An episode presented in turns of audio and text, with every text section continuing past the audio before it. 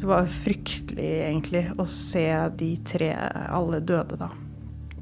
Ganske Ja, noen timer etter de kom, egentlig. Det gjorde veldig stort inntrykk å se de friske, unge menneskene som hadde egentlig hele livet foran seg, og på en måte var Sierra Leones framtid, da. We're not sure that words can always save lives, but we know that silence can certainly kill. Please stay calm. It's very important to stay calm. Det er derfor vi andre må rope så jævlig høyt. Listen, how are you? Can you hear me? Leger uten grenser. Det du ikke vet. Velkommen til en eh, ny episode av podkasten Det du ikke vet. Denne episoden og den neste den skal vi vie til et land vest i Afrika, nemlig Sierra Leone. Når det kommer til eh, krig og fred og sånt, så er Sierra Leone i dag en av de mer stabile kontekstene som Leger uten grenser jobber i. Men det betyr ikke at helseutfordringene er få. For landet har nemlig en historie som fortsetter å kaste skygger over nåtida. Og litt av den historien, den skal vi snakke om i dag. Vi skal eh, reise tilbake til 2014. Det har vært fred i Sierra Leone i over ti år, og mange har gradvis fått det bedre. Men landet har lidd store tap, inkludert helsevesenet. I et land med seks millioner innbyggere finnes det bare 134 leger. Det betyr at rundt 45 000 mennesker må dele på én lege. Så kommer det en sykdom som skal ta livet av enda flere. Sykdommen heter ebola. Ebola kalles eh, kjærlighetsviruset fordi det smitter gjennom nærhet og omsorg til de syke. Og helsearbeidere er derfor ekstra utsatt. Mellom mai 2014 og november 2015 skal Sierra Leone miste hele 7% av helsearbeiderne sine til ebola. Mange av dem er leger, i tillegg til sykepleiere, jordmødre og andre ansatte ved sykehus og klinikker. Og dagens gjest, som jeg har med meg her, hun satte seg på flyet og dro til Sierra Leone bare måneder etter at ebolaalarmen gikk. Inni en eh, klam smittevernstrakt så behandlet hun mennesker for en sykdom som det ikke fantes noen kur mot. Hun er utdannet barnelege og jobber nå som anestesilege og heter Monica Tallinger.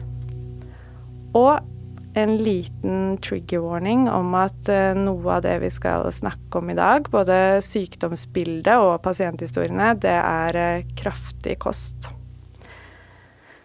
Monica, hjertelig velkommen hit. Takk skal du ha. Jeg starter med å spørre hvordan har du det? Jo, jeg har det ganske bra, egentlig. Mm. Mm. Du er åpenbart ikke i felt eh, nå. Hva gjør du nå for tida? Nei, nå jobber jeg på Oslo universitetssykehus. Eh, jeg var i felt i fjor. Da var jeg en tur i eh, Brasil, i Amazonas og i Jemen og mm. jobba med korona. Ja. Så jeg kjenner at uh, reisefoten snart rykker igjen. du gjør det, ja. Du har jo vært på en del oppdrag etter hvert, har du ikke det? Hvor mange? Jo, det har blitt eh, elleve oppdrag nå. Ja, mm. såpass. Ja, ebola er uh, altså tema i dag, og før vi går noe som helst sted videre, så må vi bare få dette her klart. Hva er ebola? Ja, ebola er et virus, og det har blitt kalt blødningsfeber. Grunnen til at det har blitt kalt blødningsfeber, er at eh, viruset angriper eh, kroppen. Og litt avhengig av hvordan eh, kroppen selv angriper viruset, så får man en immunreaksjon, en ganske sterk immunreaksjon. Og noen blir da veldig syke av den immunreaksjonen og av viruset. Og viruset angriper f.eks. blodårer, men også generelt hele kroppen. Eh, da kan blodårene begynne å lekke blod, eh, og det er derfor man har kalt Eller man har sett at eh, man blør, og det blir kalt for blødningsfeber. Det fins fem typer ebolaviruser da, i verden. Og um, det er en, et virus som er ganske smittsomt. Det smittes via kontakt, og da er det gjerne via kroppsvæsker. Eh, så det kan være urin, avføring, blod, tårer, svette. Og det er ved nær berøring og kontakt som det først og fremst smitter. Og da kommer viruset inn via slimhinner eller brutt hud, at man har sår i huden, eller det vi kaller for mikrosår, da. Små sår i huden man ikke ser. Den Zaire-typen, som den heter, den varianten, den, det var den som forårsaka den utbruddet i Vest-Afrika i 2014. Og det er den mest farlige varianten, den som har høyest dødelighet. Så det, tallene varierer litt, men eh, ja, man kan si mellom 50 til 90 dødelighet. Ja. Eh, så det er veldig høy risiko for å dø hvis man får den type, eller den varianten. Så de aller fleste får uh, symptomer som Og det starter som influensa, så man kan få ganske raskt uh, innsettende høy feber. Etter hvert uh, muskelsmerte, magesmerter, eh, kvalme, oppkast. Man kan få røde øyne eh, og utslett og diaré. Eh, ja, diaré etter hvert. Mm. Mm. Og så er det noen da som blir mer syke, hvor de får et blodforgiftningsbilde. Så de får lav blodtrykk, nyresvikt, eh, leversvikt og organsvikt generelt. Um, og etter hvert da denne blødningstendensen. Så de som får blødningstendens, de er jo da alvorlig syke med et blodforgiftningsbilde, da, sånn klinisk som vi ser. Um, men det er ikke alle pasientene som får den, den alvorlige varianten. Det vi så i det utbruddet i eller i hvert fall når jeg var i Sierra Leone, så var det mm, ca. en tredel hadde ganske mild form. Mer som sånn influensa. En tredel de var uh, alvorlig syke, men fikk ikke blødningstendensen. Og så var det en tredel da som fikk denne blødningstendensen. Mm. Og da da gikk det uh, Det var veldig skremmende egentlig å oppleve den å se dette på nært hold, for det gikk veldig fort. Mm. Eh, pasientene var ofte unge, kom gående inn, eh, og det kunne gå 12-20 timer, og så døde de da av den eh, ganske forferdelige symptom, symptomatikken som de mm. fikk da. Så under et døgn, så fra ja. man kommer inn og føler seg bare kanskje litt influensasyk, på en måte, til mm. ja. Det var den største epidemien som har vært noen gang med ebola, ikke sant, som brøt ut da i 2014 og bl.a. rammet Sierra Leone. Ja. Eh, hvilke andre land, og hvor stort ble det egentlig? Det starta i Guinea, eh, og så spredte det seg til eh, Liberia og Sierra Leone. Eh, det starta faktisk med en eh, liten gutt på to år som fikk det da Eller man antar at eh, han har fått det fra flaggermus. For det smittes via Det er det som heter zoonose. Eh, så det smittes via dyr. Og det er flaggermus den som er reservaret for ebola, da. Mm. Og så spredde det seg da i særlig grenseområdene mellom Guinea, Sierra Leone og Liberia, og videre da til de store byene. Og så har det vært noen få tilfeller i Nigeria og i Senegal i det utbruddet. Og som vi jo har fått med oss, så har det vært noen få ut, eh, pasienter som har reist fra området, og som dukket opp i forskjellige europeiske land og i USA. Men hovedutbruddet var da i Vest-Afrika, i de tre landene. Mm. Og nå nylig også hørte vi om tilfeller i Uganda. Ja, det er et nytt Eh, utbrudd. Det har jo vært ebolautbrudd etter det store utbruddet i 2014 som varte ca. to og et halvt år. Uh, det vært uh, Det var et relativt Ikke på den størrelsesorden, men et relativt stort utbrudd i Kongo i etterkant. Det var vel i 2018, og så har det vært flere småutbrudd. Og akkurat nå så er det vel rapportert eh, om et utbrudd i Uganda, ja. Mm. Mm. Og eh, det fins eh, vel heller ingen konkret kur da mot ebola? Nei, i 2014 da, så var det jo ikke noe det, det er, Nå har det kommet noe eh, som Men det kan vi ta senere. Men Ja. eh, det var ingen eh, behandling. Og når dette utbruddet starta, så var det jo enormt med pasienter. Så det, egentlig det viktigste tiltakene var jo å isolere pasientene, sånn at de ikke smitta andre. Eh, og så ble det etter hvert støttebehandling som man måtte Eller som man tilbød, da. Og det er å gi intravenøs væske, eh, smertestillende, eh, ernæring. Eh, de fikk eh, kanskje noe antibiotika hvis vi trodde at de hadde, hadde bakterieinfeksjon i tillegg, og malariatabletter. Malaria er også veldig vanlig i det området. Mm. Man isolerer jo pasientene, ikke sant, og da er de på et eh, behandlingssenter hvor man har ikke hudkontakt. Man, eh, vi som skulle hjelpe dem, eh, gikk jo med månedrakter og var oppkledd. Så det var ikke noe Man mista liksom den, hva skal jeg si, menneskelige kontakten. Eh, det, eller det var vanskeligere, da, å yte god helsehjelp ved å ikke kunne ta på folk eller se de godt inn i øya og det var veldig store begrensninger i måten vi forholdt oss eh, som mennesker til hverandre, da. Mm. Ok, så nå vet vi litt da om hva ebola er. Det er, eh, det er en sykdom som virkelig går løs på kroppen og gjør at man eh, lider. Em, og i 2014, da etter eh, at epidemien har eh, brutt ut, noen måneder etter, så ringer da telefonen din. Mm. Det er fra kontoret eh, til Leger uten grenser her i Oslo. og de spør eh, om du har lyst til å bistå i ebolaresponsen i Sierra Leone. Eh, Hva svarer du da, og hva tenker du? Eh, umiddelbart så tenker jeg ja, dette har jeg lyst til å gjøre. Og så um, er det jo ofte en prosess hvor man må få fri fra jobb og sånn. Um, men eh, selvfølgelig eh, Når man hadde sett hvordan TV-bildene var, og man skal jobbe med en sykdom som er uh, direkte farlig mot uh, meg, da, eller vi som jobber med det, så blir man jo ganske betenkt. Og og lurer på hvordan er sikkerheten rundt, hvordan er eh, systemet med eh, smittevern. Det er veldig mange tanker rundt hvordan, man skal, hvordan jeg skulle forholde meg til det her i praksis, da.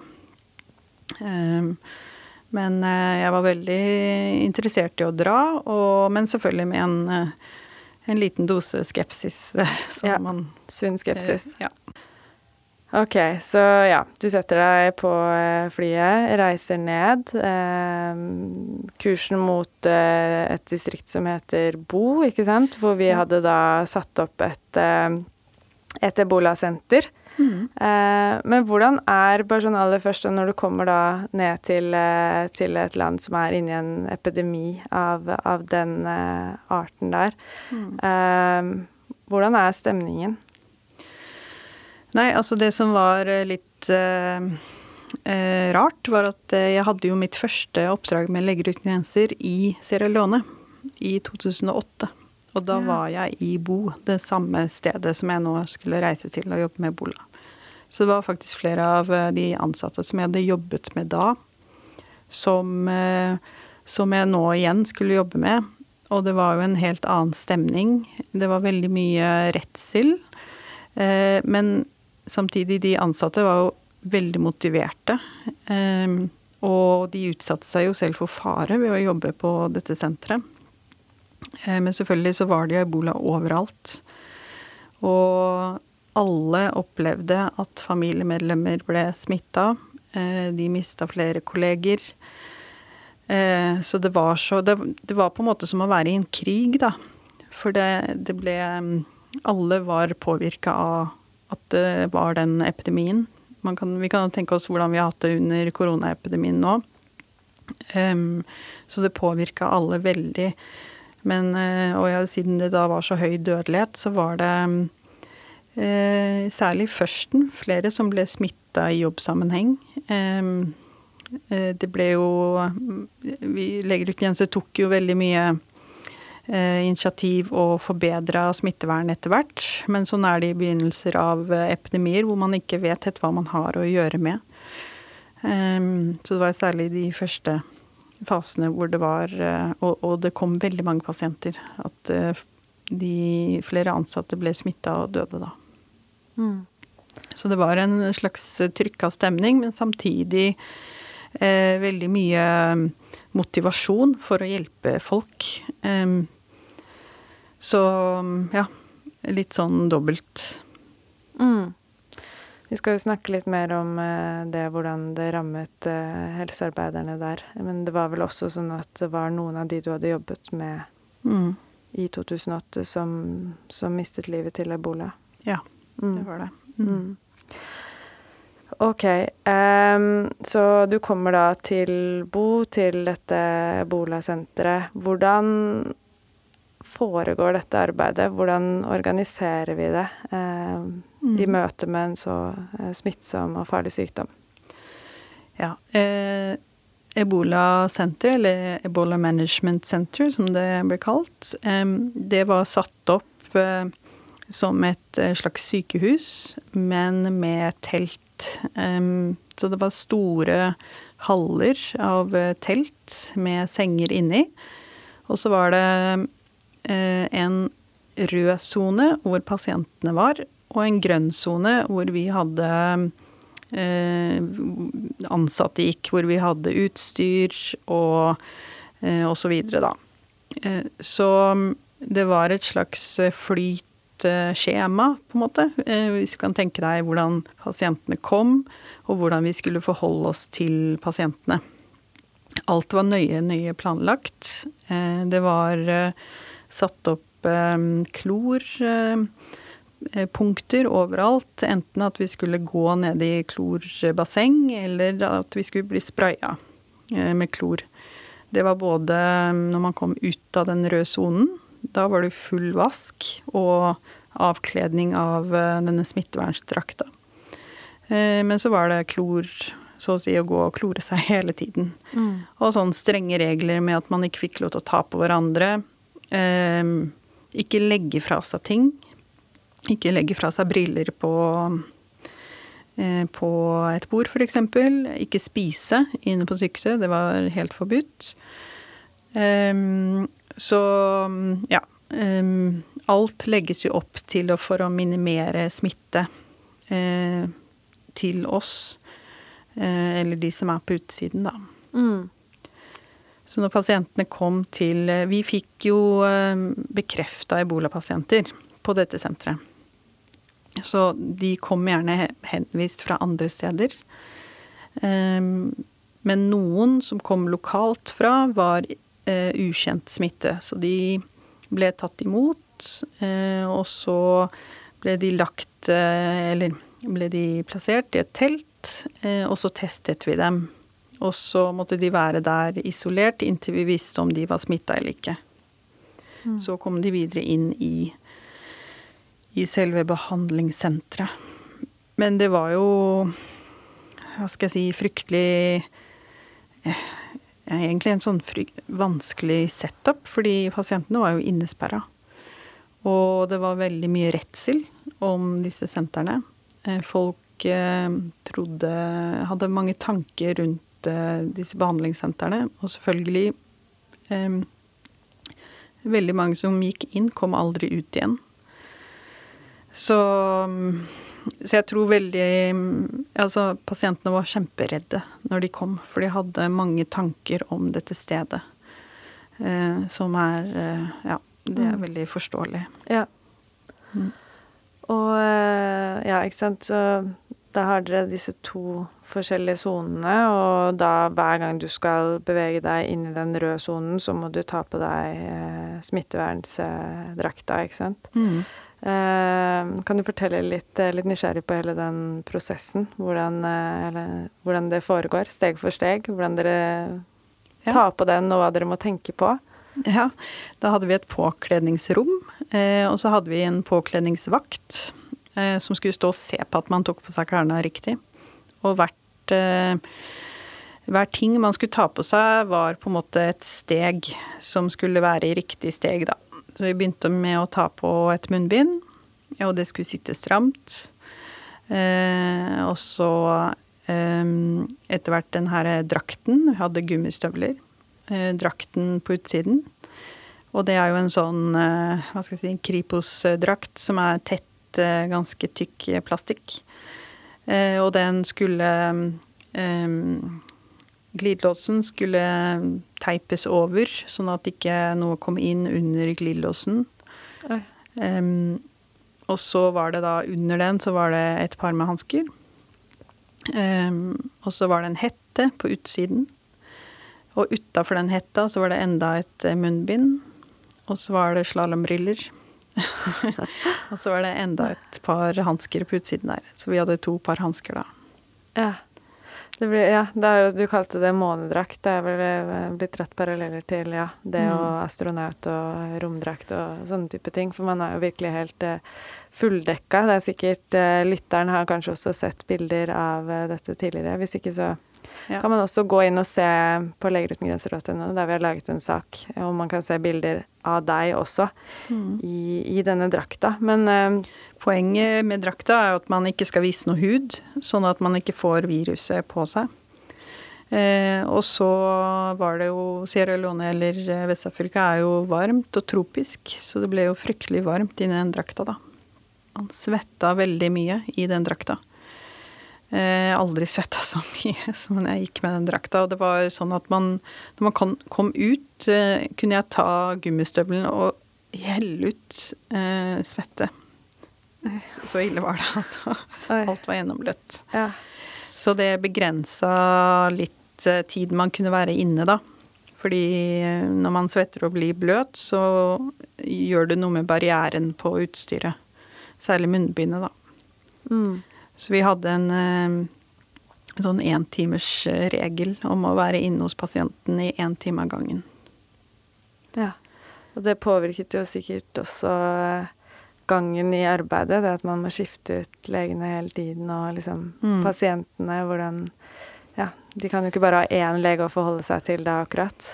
Nei, det, det påvirka veldig hvordan vi forholdt oss til pasientene. Og det, det, var jo ikke bare vi legene, det var sykepleierne, men vaskehjelpene. Um, vi hadde eh, egne ansatte som skulle håndtere døde kropper.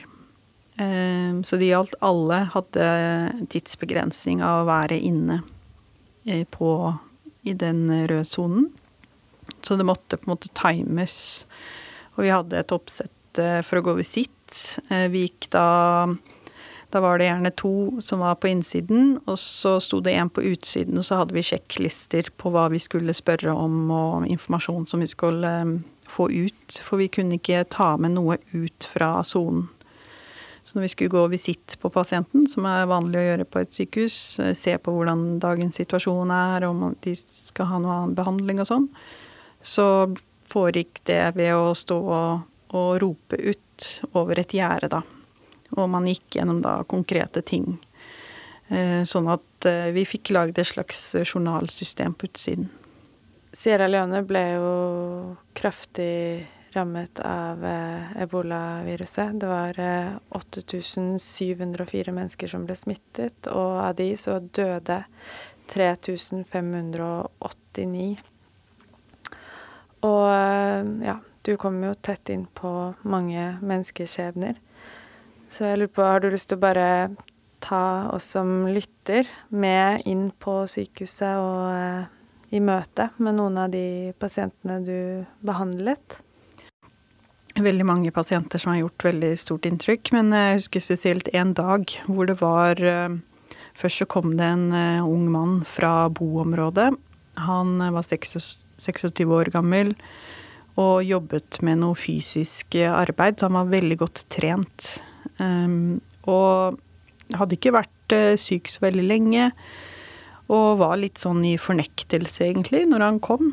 Ehm, tenkte, eller han var litt sånn, hva skal jeg si eplekjekk, hvis man kan si det sånn. Um, var litt i tvil om han eh, skulle bli lagt inn og Eh, Men han ble nå lagt inn og var positiv, eh, og ble ganske raskt mye sykere. Han hadde nok eh, eh, tatt seg sammen litt for å vise at han ikke var så syk, men det ble ganske tydelig at han var eh, mer alvorlig syk, og, og det gikk veldig fort. Um, og bare noen timer etterpå så kom det et eh, søskenpar fra Freetown. Vi fikk eh, henvist eh, pasienter fra hele landet. Mm. Altså hovedstaden Freetown. Mm. som lå seks timer unna. Så de hadde reist langt, og, og begge studerte på universitetet. De snakka flytende engelsk, em, så de kunne jeg snakke direkte med. Vi brukte jo tolk til de som ikke snakket engelsk, for de snakker lokalt eh, språk. Hvor gamle var de, sa du? De var sånn i samme aldersgruppe, sånn eh, 24-25 år. Det var en gutt og en jente. De var tvillinger. Og de studerte økonomi, eller han gutten studerte økonomi. Og eh, ja, søsteren husker jeg ikke hva studerte, men eh, eh, de var i hvert fall veldig sånn eh, Fikk veldig god kontakt, for de snakket direkte, de snakket flytende engelsk. Og de ble da lagt på samme avlukke som han eh, andre pasienten, for vi måtte jo legge pasientene sammen. Det var jo tross alt mange pasienter og begrensa plass. Og det var eh, eh, veldig eh, Det gikk veldig fort for alle tre. Og fryktelig belastende å se at uh, først så døde han uh, som kom fra Bo. Og de andre to observerte dette her, da. Uh, og inne på et bolasenter så er det ikke sånn at man Vi f.eks. gjorde ikke opplivning fordi det var for farlig i forhold til smitte. Så Men de, jo, de så jo hverandre, og de hadde veldig sterke symptomer med magesmerter. Eh, veldig sterke smerter, eh, blodig diaré. Det var fryktelig, egentlig, å se de tre alle døde, da. Eh, Ganske Ja, noen timer etter de kom, egentlig. Så, så man blir jo helt i sjokk, liksom, når man er, er lege, hjelpearbeider, sykepleier og ikke klarer å gjøre noe. Det var jo Og jeg kom jo hele tiden på da, fordi jeg kunne være inne hos dem en time. Eh, må gå ut. Eh, så måtte vi da eh, Jeg måtte drikke vann, vi måtte rehydrere oss før vi kunne gå inn igjen. Så det ble alltid en sånn forsinking i behandlingen. Eh, Vi fikk liksom ikke vært på topp, da. Eh, og hele tiden vært på. Så mm, ja. Det gjorde veldig stort eh, inntrykk å se de friske, unge menneskene som hadde egentlig hele livet foran seg, og på en måte var Sierra Leones framtid, da.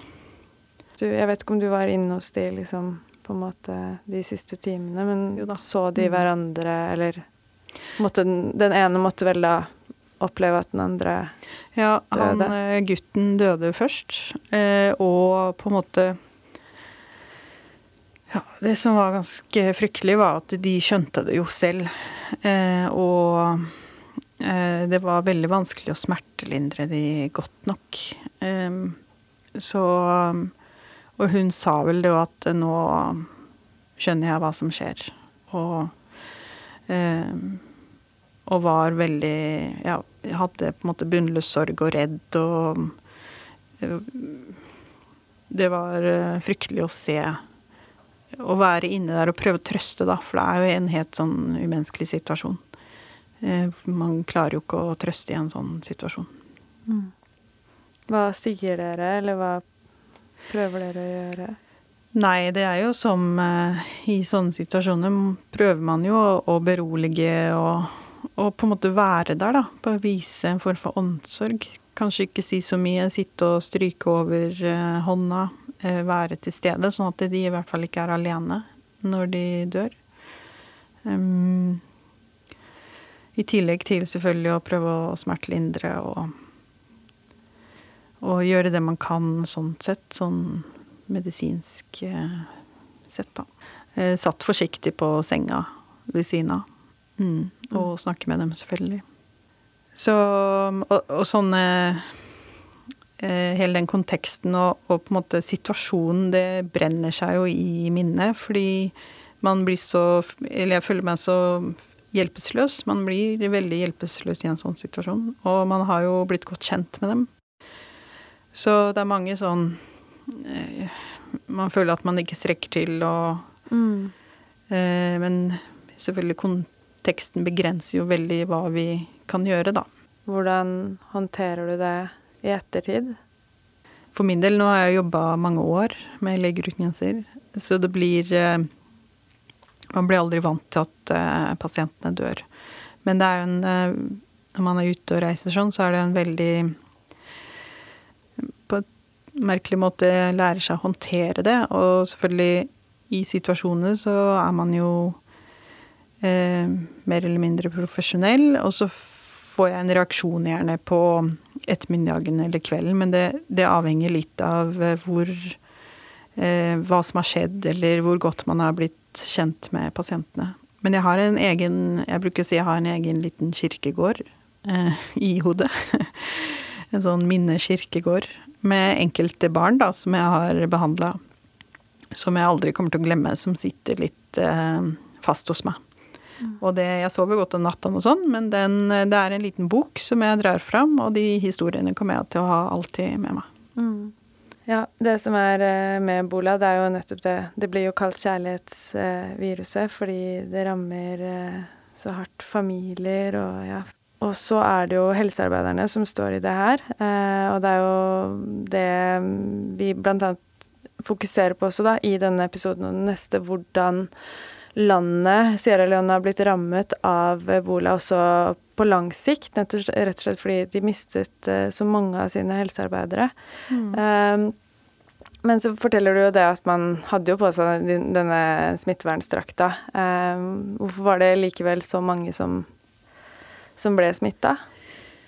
Eh, ja, det, de ble jo også smitta i miljøene sine og i rundt der de bodde. Dette viruset var jo overalt. Eh, så mm, etter hvert så fikk vi jo veldig god kontroll på sykehuset, eh, eller sykehusene. Det var veldig lite smitte innad, altså som leger eller sykepleiere på sykehuset, fordi det var så innmari strenge regler. Så det var spesielt i førsten at eh, helsearbeidere ble hardt ramma. Men selvfølgelig eh, Leger uten grenser gjorde veldig, eller hadde veldig flere sykehus med ebola, men det var mange andre steder hvor kanskje ikke smittevernet var så bra, da. Så um, halvparten av det oppdraget så fikk jeg anledning til å reise rundt i hovedstaden eh, som smittesporer. Og da besøkte vi flere eh, sykehus fra andre organisasjoner og og det var jo ikke overalt hvor det var så strenge smitteregler. Det å Leger uten grenser er utrolig dyktige på det her. Jeg har gjort det i Kongo i mange år. Eh, og fører veldig streng kontroll. Eh, mye opplæring av de som skal gjøre det. Så vi er veldig gode på det. Så smitt av helsepersonell på Leger uten grensers eh, fasiliteter var veldig lav. Men eh, selvfølgelig når man er i en epidemi og man eh, oppholder seg i et samfunn hvor, er, hvor, det er mye smitte, så risikerer man å bli smitta overalt. Mm. Og når du reiste rundt da i, i Freetown, så Altså, da skulle dere jo ja, reise rundt og møte folk, så da hadde dere vel heller ikke da Nei, på da... dere smittevernstrakta mens dere reiste mm. rundt i byen, liksom. Så da man, følte man seg kanskje litt mer utsatt.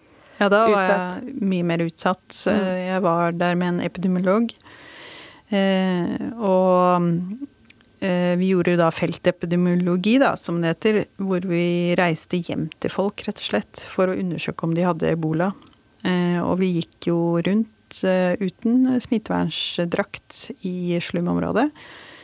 Og da følte jeg at eh, det Da følte jeg på den utryggheten, egentlig. Fordi det er en usynlig fiende, hvis man kan kalle det, som man ikke ser. Og jeg dulta borti folk. Folk tok på meg når de skulle ha kontakt. Eh, det var mye mer utrygt, da. Eh, eller føltes mye mer utrygt i en sånn situasjon. Og vi kom direkte hjem til folk som hadde ebola. Eh, og skulle da håndtere den situasjonen der, da. Eh, selvfølgelig, vi gikk jo ikke inn og tok på den pasienten som var syk, men eh, det var situasjoner hvor vi ble eksponert direkte. Mm. Men, eh, men tilbake til, til dine kolleger da, på sykehuset. Var det, ble de eh, hardt ramma av ebola? Ja, jeg vil si de ble det. Og det var eh, Jeg husker en eh, health officer ble syk mens jeg var der. Ehm, Det var ikke direkte en kollega fra Legeutjenester, men han jobbet på, et, på, et, på lokalsykehuset der. Og alle kjente han. Ehm, Og han døde hos oss. Ble lagt inn. Og da, når du liksom ser kollegaen din dø ehm, så var det fryktelig tungt for de ansatte, da. Eller for kollegene mine. Eh, og det var eh, annet en veldig anerkjent eh, lege fra Kenema.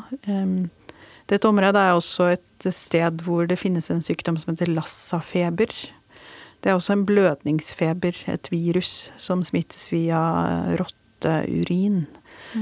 Kalles Eh, lillebroren eller noe sånt ja, til Bola, er det ikke det? Ja. Mm. Og akkurat i Bo, der eh, vi hadde det vårt Bola-senter, der er det eh, endemisk, da, som det heter. Det er stadig utbrudd av Lassa-feber. Så de hadde et eh, sykehus hvor det var en, eh, en lege som var landets ekspert på Lassa-feber. Virkelig en ressurs for samfunnet der.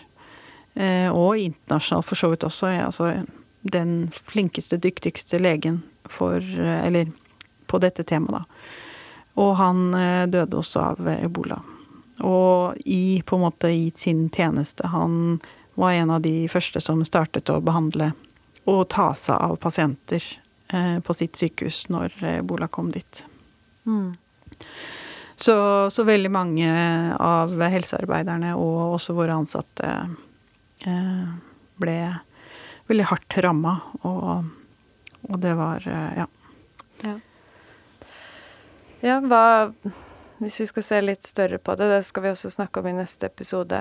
Men eh, hva gjør det med et land da, når man mister så mange eh, helsepersonell over hele linja, men også eksperter innenfor fagfelt som driver eh, både forskning og, og alt sånt fremover?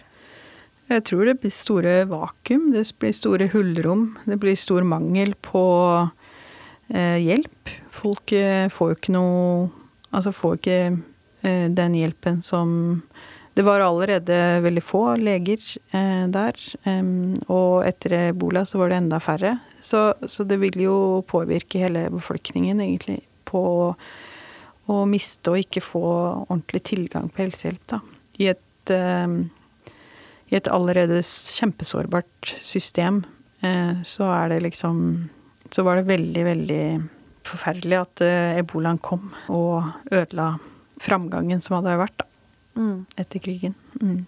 Vi i Leger uten grenser, vi jobber jo med ofte ja, veldig mørke, triste ting. Derfor trenger vi alltid også lys, ikke sant. Og når vi snakker om dødsrater, eh, som vi gjør her med ebola, så sier du ikke, mellom 50% og 90. og 90 som dødeligheten er på.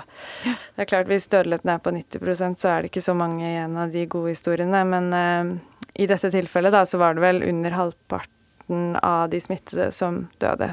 Så da må Ja. man også snakke om de som overlevde. Ja. Som også var faktisk over halvparten. Jeg vet jo også at du har Du sitter på en del av de historiene også. Mm. Er det noen du eh, husker spesielt godt? Ja, jeg kan nevne en som heter Aruna. Det var en uh, ung mann som Han var faktisk det siste pasienten på det senteret. Så han ble, når han ble skrevet ut, så stengte vi senteret. Uh, han ble smittet av uh, barnet sitt, som dessverre døde. Og barnet hadde da blitt smittet av bestemoren, som også var død. Og hun hadde igjen blitt smittet i en begravelse. Veldig vanlig at folk ble smitta i begravelser, og det var på en måte sånn det spredde seg i begynnelsen, da. Og etter hvert også. Man er mest smittsom på eh, jo mer syk man er, og da rett etter man er død, så er man mest eh, smittsom. Og i begravelsene i, eller i Sierra Leone så var det kultur at man hadde åpne kister, og at eh, begravelsesfølget tok på kroppen og hadde ritualer i forhold til den døde kroppen, da. Så det var mye berøring av de døde kroppene i de begravelsesritualene. Så det var eh, Når vi Vi hadde sånn epsilomisk kart, og da kunne vi liksom se at her hadde vært en begravelse, og det var flere hundre smitta etter en sånn begravelse. Fordi det var så mange som hadde vært og tatt på, eh, på den døde kroppen. Eh, ja. Mm. Men eh, han eh, skulle jo da Ja, eh, bli frisk. Arina Aruna ble frisk, og eh, det var sånn at vi sjekket eh, hvor mye virus de hadde i kroppen eh, med jevne mellomrom. Og når vi så at eh, de da ikke hadde noe mer virus igjen, så ble de skrevet ut. Eh, og han ble friskmeldt, og til alles store glede skrevet jo det var en sånn lettelse for også de ansatte som, eh, ble ble veldig oppriktig veldig glad når eh, man så at pasienter ble friske. Samtidig så var det alltid en sånn bittersøt uh, følelse, for det var så mye uh, trist som hadde vært i kjølvannet av det. Men vi hadde en slags liten seremoni uh, når de ble skrevet ut, da, hvor eh, det var eh, og dette var på initiativet av de lokalt ansatte vi hadde, hvor de ønsket å bruke trommer og, og synge. Og på en måte vi vasket da pasientene ut, og det samme gjorde vi med Aruna når han ble skrevet ut. Eh, og han ble da tatt imot av et stort eh, kor av lokalt ansatte som spilte og, og spilte trommer. Mm. Ja, jeg ville jo gjerne at du skulle fortelle historien om Aruna, fordi jeg har jo sett eh, filmen fra da han ble skrevet ut. Fordi så hadde du jo med deg et GoPro-kamera, og du filmet da denne seansen hvor Aruna kommer ut av sykehuset og er på vei ut i grønn sone, kanskje, fra rød sone. Eh, og han eh, danser, ikke sant, eh, sammen med helsearbeiderne i eh, månedraktene sine. Ja. Ganske morsomt syn, så man eh, kan få se da også på leggetjenester.no i saken vi har laget der. Men eh, det er også veldig fint å høre på, så eh, la oss gjøre det nå. Aruna! Ora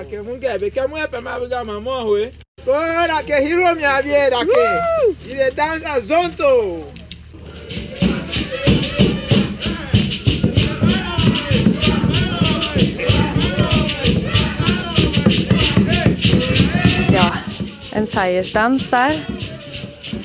Det man også ser i den videoen, eller det som var viktig for oss, var å ta på de etterpå eh, og gi de klemmer. Eh, fordi det var veldig mye stigmatisering eh, av ebolapasientene. Aruna, bye. Good luck. Thank you for everything. Take care. bye. Have a good trip, yeah?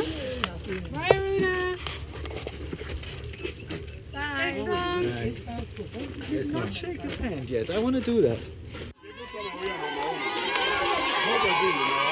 Så legerutinenser kjørte Aruna hjem eh, til landsbyen sin. Eh, det er vel også på den videoen. Sjåføren eh, tar og gir han en klem på slutten. Altså å vise landsbyen at eh, han er ikke farlig. Dette er eh, en måte å bryte stigmatiseringsbarrierene på, da. For det var veldig mye redsel rundt eh, ebola, og spesielt når de kom tilbake til landsbyen sin, da. Ja, for han er jo egentlig den eh, en man vet at ikke er smittsom, for han hadde jo nettopp gått gjennom det da. Eh, men ja, det ser jo ut på den filmen som, eh, som han blir veldig godt eh, tatt imot da, i Ja. landsbyen sin. Eh, så det er et veldig, veldig gledelig syn. Samtidig som man vet at han, han hadde jo også mista noen, ikke sant. Ja. Mm. Barnet sitt og bestemoren.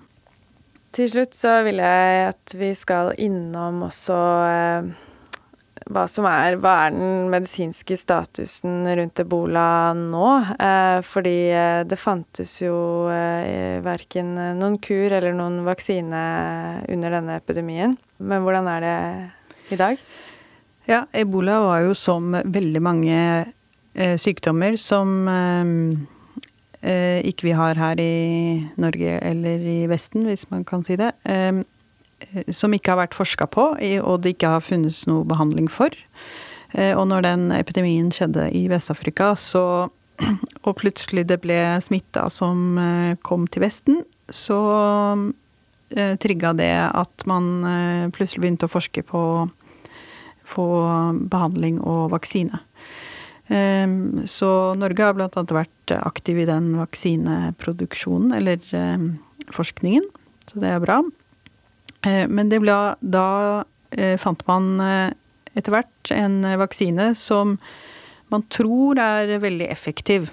Det var vel noen tusen man testet den på. Så nå finnes det en vaksine som vi antar er 90-100% effektiv mot ebola. Og så har det kommet én vaksine til, så det er to godkjente vaksiner mot ebola nå, da.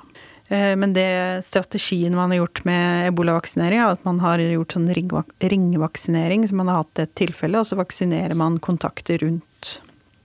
Men sånn som vi har sett i utbrudd i etterkant, så er det fortsatt store eh, problemer med å få vaksinene ut til de som faktisk trenger det. Så i Kongo, i eh, utbrudd eh, Eh, etter dette store Vest-Afrika-utbruddet så så man at det var kjempevanskelig å få vaksinene faktisk til pasientene. Fordi det er eh, logistikk, og det krever det som heter cold chain, altså at de oppbevares kaldt. da. Så mm, det trengs mer ressurser til for å fordele vaksiner og virkelig få de fram når det er utbrudd. Um, men ja, det er fint at vi har fått en, en eller to vaksiner som er godkjente. Og så har det kommet noe eh, behandling, og eh, Men det er eh, ikke en kur. Altså det kurerer ikke sykdommen, men man antar at eh, det kan eh, gjøre sykdommen litt mindre alvorlig. Men det er jo en kjempedyr medisin. Eh, så foreløpig så er det ikke veldig tilgjengelig i de ebolautbruddene. Fordi den er veldig dyr og, og vanskelig å få tak i. da. Så den beste metoden er jo det man har gjort fram til nå. Det er isolasjon og støttebehandling. Eh, spesielt isolasjon og håndtering av eh, casene ved at man, man eh, hindrer at de smitter videre. Mm. Men det tok jo lang tid da å få, få, frem en sånn vaksine, med tanke på at man har visst om ebola helt siden 70-tallet. Så mm. eh, Og liksom, ja, den podkasten her handler jo om glemte kriser, og ebola var jo absolutt ikke glemt under den epidemien, men vi kan jo si at Uh, uten å legge uh, ordene i munnen på det her, at det måtte liksom en eh, dødelig epidemi til for at uh, man skulle få, få den vaksinen, da. Ja, det er jo det som er og ikke bare en dødelig epidemi, men det måtte noen utenlandske vite, for å si det så brutalt, for det er det, til før man virkelig tok det alvorlig, da. Mm. Og sånn skal det jo ikke være. Tusen hjertelig takk, Monica, for at du kom hit og orket å dele dette. Det er veldig viktig at vi hører om, så tusen takk. Takk for at jeg fikk komme og fortelle. Denne episoden var eh, altså en eh, historieepisode, kan vi si, for at vi skal forstå mer av Sierra Leone i dag, og hvordan ebolaepidemien fortsetter å påvirke landet. Og i neste episode så skal vi nettopp til eh, nåtida, og da er vi så heldige at vi får besøk av en lege som nettopp har jobbet i Sierra Leone. Han eh, kommer fra Nigeria, bor i dag i Rwanda, og har eh, tatt turen helt til Norge. Han har også en veldig spennende historie om hvordan han selv eh, ble lege, så vi gleder oss veldig til å bli kjent med han. Det er i neste episode, altså.